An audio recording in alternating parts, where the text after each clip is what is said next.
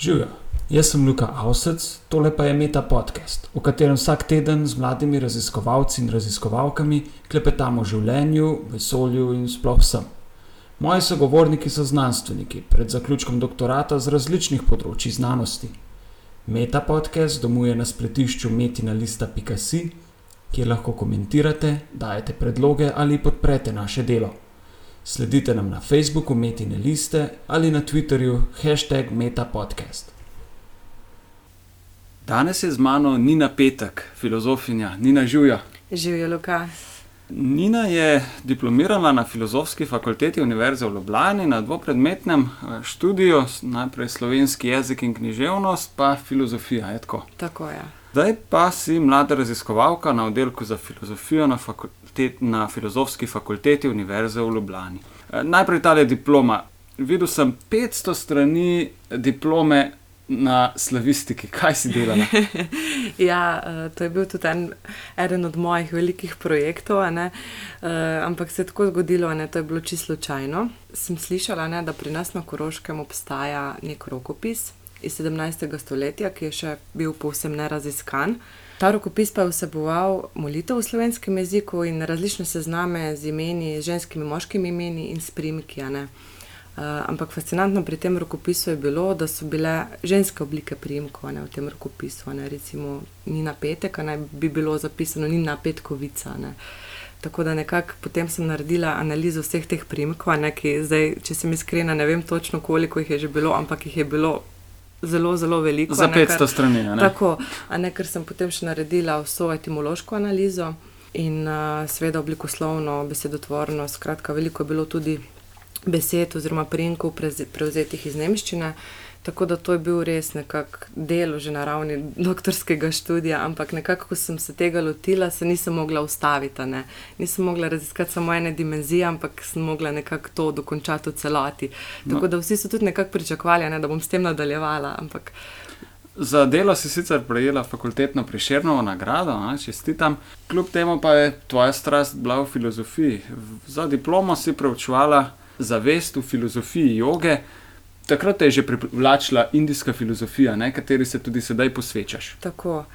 Nekako z indijsko filozofijo, oziroma s celotnimi azijskimi filozofijami, sem se seznanila v tretjem letniku študija, torej v tretjem dodiplomskem letniku študija, in takrat ne, je bil nekakšen trg, oziroma nekakšno razsvetljenje, oziroma azijske filozofije so nekako predstavljale en velik izziv, ne mojemu, tako rečemo, ne zelo tipičnemu evropskemu umu. Kaj je tako drugače? Uh, drugačen je že, že drugačen pristop ne, do obravnavane tematike, ne, torej do različnih obravnavanih tematik, torej recimo ne, že razmerje življenja, smrt, ne, uh, razmerje duh, telo. Ker fascinantno pri azijskih filozofijah je, ne, da se filozofija dogaja tudi telesno, ne, ne samo duhovno, ne, ne torej samo na ravni duha.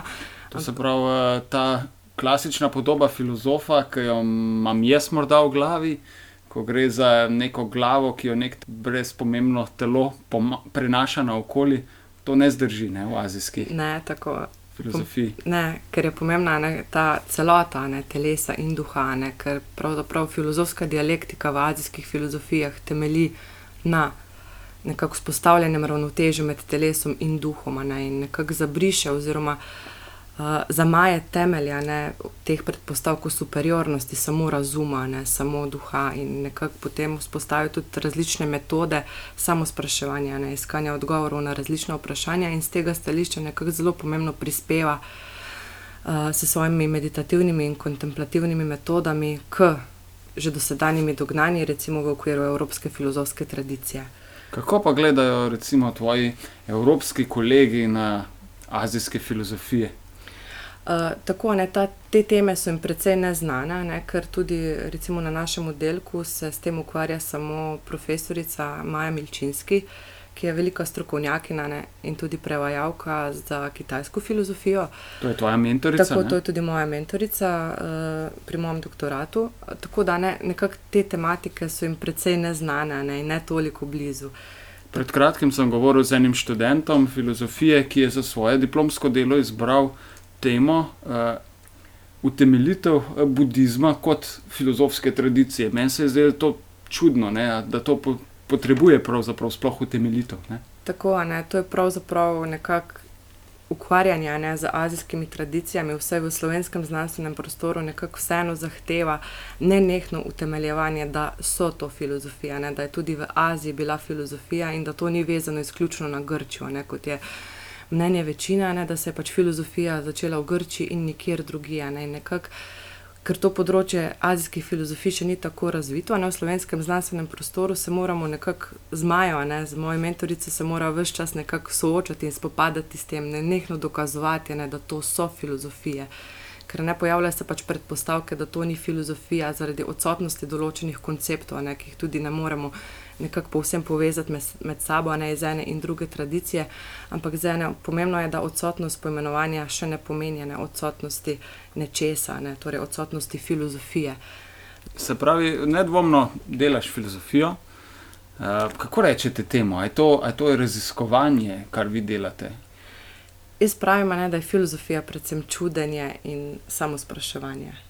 To se pravi, zanimaš se za predvsem indijske filozofije, kulture religije, temeljno delo, ki pa ga preučuješ, pa je Bhagavad Gita. Tako je. Kaj je to? Bhagavad Gita je, tako bom rekla, ne filozofska pesnitev. Zelo posebna, ne, tudi zaradi mesta pojavitve, ker se pojavlja na sredi Mahabharate, največjega epa v zgodovini človeštva. Okay, o Mahabharati smo se naučili nekaj v, v gimnaziji. Ne, rekli so, da je to pač neka dolga zadeva, dve vojske se tepeta in to je to. Tako je, to so zelo krivične opredelitve, lahko rečem, zelo uh, neprimerne. Ne? Nekako v srednji šoli nam podajo to definicijo Mahabharata, da to je najdaljši ep v zgodovini uh, svetovne književnosti in nekako pri tem so vse končane, seveda, da je to še vojni ep. In nekako tudi sama se. Dokler se s tem nisem začela ukvarjati, se nisem zavedala vseh teh razsežnosti, ki jih prinaša Mahabharata. Ne? In to je nekako najbolj, eno od najbolj fascinantnih del, kar jih je ustvarilo človeštvo, oziroma je nekako tudi temelj indijske kulture. Nekako tako bom rekla, je nekako enciklopedija indijske filozofije, religije, ne, življenja, kulture, ne, vsega, kar je obstajalo v Indiji ne, in sega ne, tudi še v današnje življenje.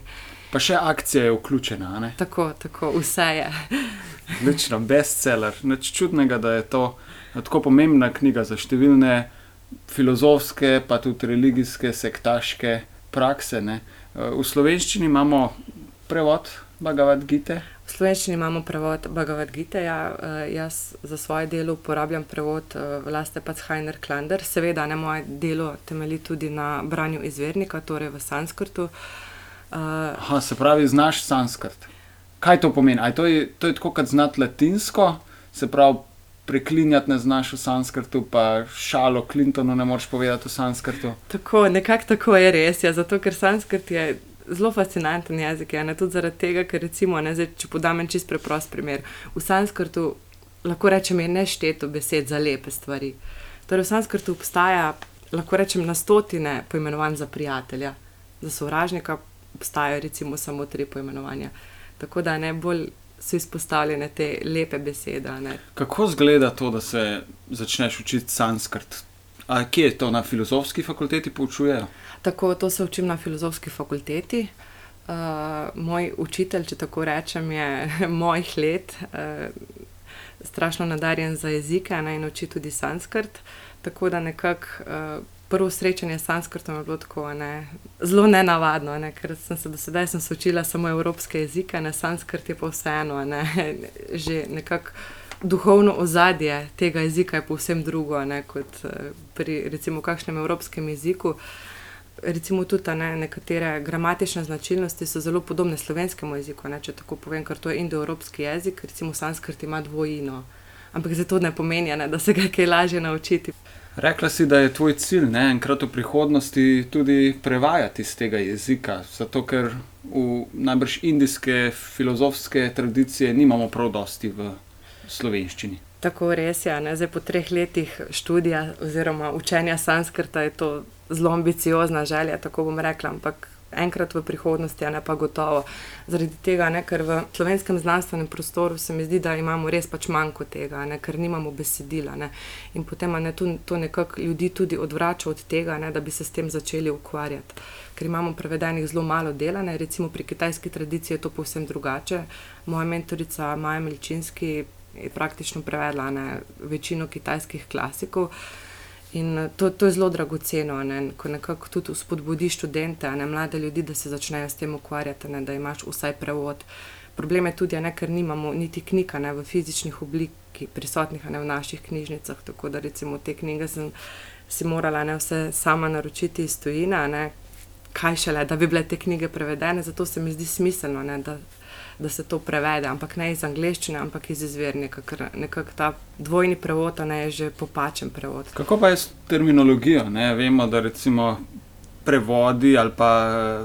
Filozofske razprave o nemških filozofih so polne nemških terminov. Ne? Predstavljam si, da bodo tvoji prevodi tudi vsebovali sanskrtske izraze. Ja, vsekakor, vedno je problem pri terminologiji, ne? tudi ker ne moramo prenašati ne, nekih konceptov iz evropske filozofske tradicije v azijsko, ne? ker je že vsebina koncepta ne povsem druga.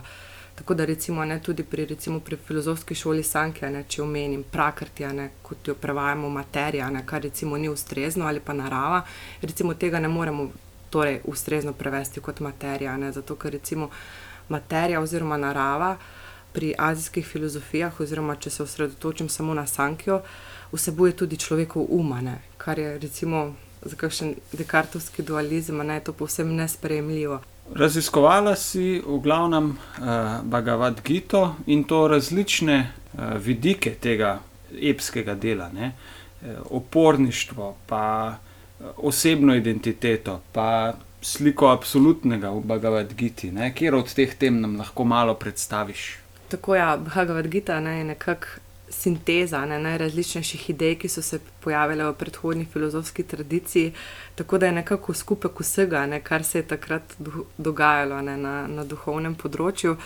In zaradi tega me je to delo tudi tako fascinantno in me navdihuje, ker nekako, ko se ukvarjaš z Bhagavad Gita, to nekako za sabo potegneš vse druge filozofske tokove, ki so obstajale pred njo in seveda po njej, zaradi tega, ker potem ne, njena misel je bistveno vplivala tudi na nadaljni razvoj filozofske in religijske misli v Indiji. Tako da zdaj mogoče bi izpostavila uh, metafiziko in estetiko. A nam lahko pojasniš te dva termina, ki si jih uporabljam? Kaj je to metafizika, kaj je to estetika, kako si to razložimo? Tako metafizika, ne, če zdaj razložim na primeru Bhagavad Gita, recimo metafizika v Bhagavad Giti je sestavljena ne, iz različnih stopenj, ne gre nekako za razmerje med pojavnim svetom, torej med fenomenalnim svetom, torej gre za različne stopnje, stopnje realnosti, torej med tem, kaj je resnično, ne, kaj je absolutno resnično. Torej, recimo prva stopnja realnosti je fenomenalni svet, ne, in potem gre raz, za raziskavo razmerja, v kakšnem razmerju je ta fenomenalni svet z tem absolutno resničnim svetom. Ne, pri metafiziki gre vedno tudi za vprašanje resnice, ne, ker metafizisa, ne, to pomeni onkraj narave, torej kaj je onkraj pojavnega sveta. Ne, torej, gre za raziskovanje stopenj, nekih višjih stopenj, neke više realnosti, ki je v Bhagavad Gita, ne stopnja Boga, ne stopnja kršne, torej stopnja tega absoluta. Ne, kako se pač metafizika bistveno povezuje z etiko. Ne, recimo v Bhagavad Gita je zelo pomembno 11. poglavje, ko se nekako ta absolut oziroma Bog se razkrije v vsej svoji podobi. Ne. Pravzaprav je brezobličen, ampak človeku nekako pokaže vso veličino ne, njega samega, ne, ker drugače je ne predstavljiv. In kakšen je ta Bog? To je tudi zelo dobro vprašanje, ne, ker to je tudi ena od posebnosti indijske filozofske misli, ki je mogoče ne, pri drugih religijah ne zasledimo toliko. Ne, to je izpostavil tudi veliki misleč Rio Robindo, da je to res veličina indijske misli. Uh, in da nekako takšnega poguma, ne, kot jo ima ta indijska religijska misel, ne moremo zaslediti v nobeni drugi religiji, to pa je ta destruktivna plat Boga. Ne, ker ponavadi ne, nekateri verniki kot podobo Boga pričakujejo neko milostno podobo, ne, kot neko zavetje, ne, kot uh, nekaj nezastrašujočega. Ne, v Bhagavad Gita v 11. poglavju se zgodi pa ravno nasprotno. Ne, Bog se pravzaprav pokaže kot čas, ne, čas, ki uničuje vse strukture, ne, pokaže se torej kot uh, strašen bog, ne z groznimi krvavimi čekani, ki vas požira vse, kar obstaja. Ampak ravno ta destruktivni vidik je tudi osnova estetske izkušnje, ne, ki jo dobi posameznik in to se tudi povezuje ne, s tem konceptom misterijum tremendum oziroma numinozno. Ne, torej, to je nekaj, kar nas je, uh, zaradi česar smo strašno nekako prestrašeni na nekaj, kar nas odbija, ne? nekaj, kar nam zbuja grozo, hkrati pa nas neustavljivo privlači. Ne? In to je to numinozno, ne? in to je ta podoba Boga, torej podoba Boga kot ustvarjalca, torej kot stvarnika, ohranjevalca sveta in hkrati uničevalca sveta. In za indijsko religijo in filozofijo je značilno, da nekako uh, vzpostavlja kot enakovredne vse tri vidike Boga, ne? ker v nekaterih religijah je samo ta milostna podoba Boga, ampak Bog v indijski religiji ni milosten, ne tudi. Uh, uničevalec. Ne? In nekako vse te tri, tri funkcije ne, se združijo v funkciji enega samega Boga, in vse tri funkcije so enako cenjene. Ne? Tudi recimo Kalija ne, je danes zelo popularno božanstvo v Indiji. Ne? In Kalija, ne, to je boginja časa, ona je uničevalka ne? in tudi njena podoba je strašna. Uh, ima tudi vrsto ne, ostrih zob, potem v rokah ima skodele krvi, ponovadi kakšno odtrgano človeško glavo, okoli vratu je vesil verižice z lobanjami. Ne? To je zastrašujoče, ampak ne je tako visoko cenjena, ker destrukcija je enako cenjena ne? kot samo stvarjanje. Zato tu se kaže tudi ta odnos, ne življenje, smrt. Ne? Smrt je bistven del življenja, ne? smrt ni nekaj obskurnega, nekaj, kar je življenju tuje, ampak je nekako umirajoči smo v življenju. Ne? Nekako rodi, rodimo se ne? in že začnemo umirati, ampak to nekako ni neka morbidnost, ampak je nek uvid, ki ga pač nekako vse azijske tradicije izpostavljajo. Kot en stranski projekt pa si preučevala tudi eh, estetiko japonske umetnosti, ne? da kot nek, nek antipol, mogoče kot si se je na koncu izkazal. Ne? Japonska umetnost je dosti drugačna od indijske, ker je pod močnim vplivom budizma ti pišeš, kako je za budistično misel pomemben uvid, uminljivost vsega, ne? to je podobno kot si zdaj navedla. E, in kako v bistvu to v končnem stanju razsvetljenja daje svetu nek poseben estetski užitek, kako se na zadnje izvijemo iz tega kroga trpljenja do neke končne osvoboditve. Tako je, ja, japonska estetika je precej drugačna, čeprav ima nekatere, seveda, iste predpostavke kot indijska estetika. Ne? pravzaprav je ideal japonske estetike, oziroma vse umetnosti na japonskem, je minljivost. In pravi nek budistični menih, ne? če ne bi bilo minljivosti, ne bi bilo lepote. Ne? Minljivost je nujen pogoj za lepoto. Ravno... Prej si omenila oblak, ki za trenutek zakrije luno. Ne? Tako, ja, to je Japonci. Tipičen material za hajku. ja, odlično, ja, točno to. Ne, ker ravno to, ne, recimo ta luna, ne, oziroma oblak, ki zakrije luno, to Japonci imenujejo na ključno srečanje. Ne, to pa vse nekako izhaja iz te zavesti o minljivosti vsega, kar je, kar Japonci najbolj očitno, oziroma kar se najbolj očitno opazi v naravi. Ne. Torej, na ključno srečanje ne pomeni, da moramo pač ceniti vsak trenutek. Ne, torej, Že ta trenutek na pogled na Luno, ki jo zakrije oblaka, ne, je edinstvena. Ne. In recimo estetski ideal na japonskem so češnjevi cvetovi. Zakaj? Ne? Ravno zaradi menljivosti. Nina, naj te za konec vprašam še nekaj splošnih vprašanj, ki jih vprašam vsakega sogovornika. Katere nam znane ali neznane osebe bi povabila k sebi na večerjo, če ne bi bilo nobenih omejitev? Če prvo pogledam z področja, ne, oziroma s stališča nemogočega, bi povabila verjetno številne ume, ne, ki so bistveno vplivali tudi na mojo misel, na moje oblikovanje osebnosti, na moje ukvarjanje s filozofijo. Skratka, na celotno moje delo bi bil to gotovo Šri Aurobindo, uh, indijski mislec, filozof, mistik, vsekakor po mojem mnenju najbolj svetovljanska osebnost, najbolj svetovljanski filozof, kar jih je kdaj živelo. Potem, ne, ker me zanimajo tudi različna področja, ne, tudi sem navdušena nad moderno francosko filozofijo. Ne, Žil Deleuze je tudi eden od mojih umiljenih filozofov, čeprav sedaj, ko se ukvarjam z indijsko filozofijo, nekako nimam toliko časa za branje drugih besedil. Potem pa recimo še kakšnega umetnika, ne všeč mi je nadrealizem, mogoče bi izbrala Reneja Magrija, francoskega nadrealističnega slikarja, pa mogoče kakšnega pisatelja, ne, recimo Franca Kafka, gotovo. Tako da bi imela zelo pisano družščino, zdaj od živečih ljudi pa gotovo ne bi povabila Davida Linča. On je pač nekako moj idol, ne tudi vsestranski umetnik, ki me nekako vedno znova pušča odprtih ust.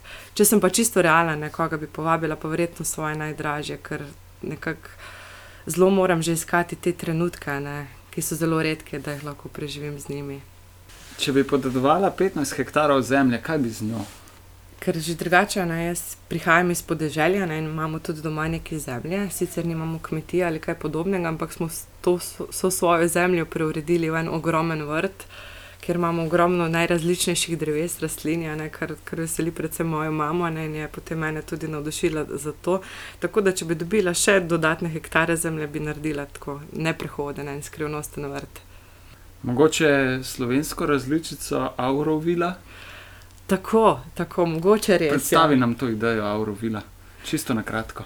Uh, ja, Aurovil, v tem kontekstu, ki sem že omenila mojega, uh, enega od najljubših filozofov, ne torej Šrija Aurobinda. Ta Aurovil je mesto v Južni Indiji in je bila nekako to mesto, njegova ideja. Ne. Pri njem sem ravno cenim to njegovo to najsprostno vero, dobro človeštvo, ne. nikoli ni izgubil te vere, ne, da se lahko naredi neka popolna skupnost oziroma neka harmonična skupnost, brez kakršnih koli represivnih ukrepov, ki pa bi temeljila predvsem na duhovnosti. Torej, vzpostaviti neka harmonična razmerja ravno na tem ravnotežju ne, med telesom in duhom.